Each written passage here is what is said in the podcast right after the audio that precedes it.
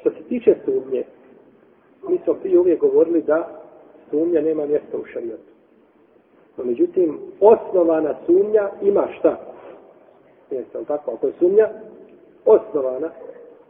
U jednom kvartu čovjek ubijen i drugi trči ulicom i nosi krvav nož. Je to sumnja? Kako nije? Jako sumnja. Dobro, može li biti da je negdje klao kurban? Može biti. No međutim, sumnja je osnovana. Sumnja ako je osnovana i ako ima svoga mjesta, onda je akceptira je šerijat. No međutim, sum, ima sumnje koje nemaju nikakvog mjesta u šerijat, koje bi ljudima otežale vjeru. Na primjer, sumnja da je to puka sumnja poput vesvesa. Vesvese.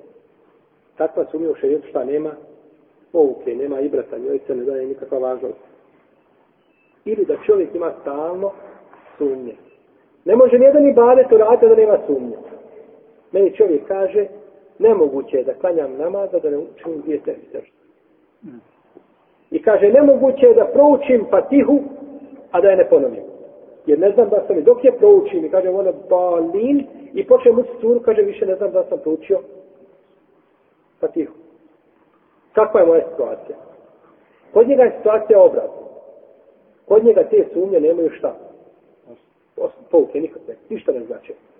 Kod nas je osnova da nismo proučili nešto dok se, šta? Ne uvjerimo da smo to uradili. Da nismo uradili nešto da se ne uvjerimo da smo sigurni. Ali ovdje vidite, ako ne znaš da li se u jedan ili dva, u koji rekat sumnjaš? U drugi. Osnova je da ga šta nisi? Klanjao, pa se vraćaš na jedan. Kod ovakvih ljudi će biti osnova da je klanjao za Osnova je da je šta? Da nije zaboravio.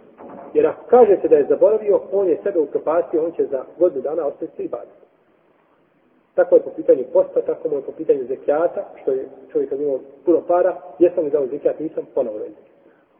Odeš, kupiš kod trgovca, platiš robu, iziđeš, kada je subhanala, jesam ne platio. Vratiš na trgovcu, a poraviš od trgovca kojome me nikada dosta nije. Pa kaže, nisi živio. Platio se nam. To sumnje. Pa takvim ljudima mora se šta? Presjeći put sumnje. Ako ga pustiš, on će sebe upropasti.